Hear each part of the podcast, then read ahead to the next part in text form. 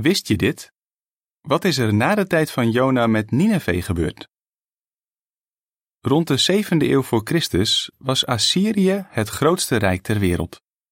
Het strekte zich uit van Cyprus in het westen tot Iran in het oosten en omvatte op een gegeven moment zelfs Egypte, al dus het British Museum blog.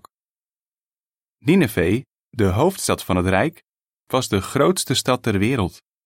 Er waren grote monumenten, spectaculaire tuinen, indrukwekkende paleizen en uitgebreide bibliotheken.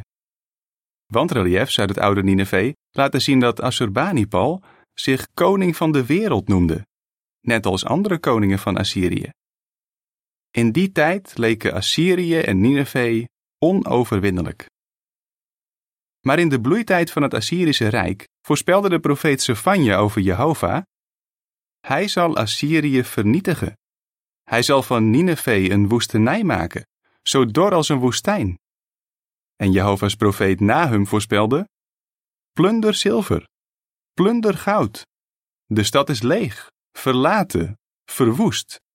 Iedereen die je ziet zal van je wegvluchten en zeggen: Nineveh is verwoest. Zefanje 2 vers 13, Nahum 2 vers 9 en 10 en 3 vers 7. Bij het horen van die profetieën zullen mensen hebben gedacht: Is dat echt mogelijk? Kan het machtige Assyrië ooit veroverd worden? Zoiets moet onvoorstelbaar hebben geleken. Maar het ondenkbare gebeurde.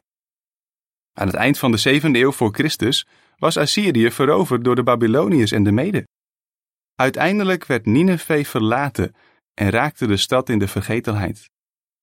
Tegen de middeleeuwen, zo staat in een publicatie van het Metropolitan Museum of Art in New York, waren de resten van het verlaten Nineveh verdwenen onder het stof en was de stad alleen nog bekend van de Bijbel.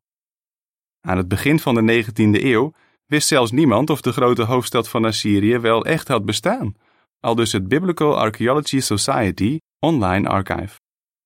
Tot de archeoloog Austin Henry Layard in 1845 voor het eerst de ruïnes opgroef.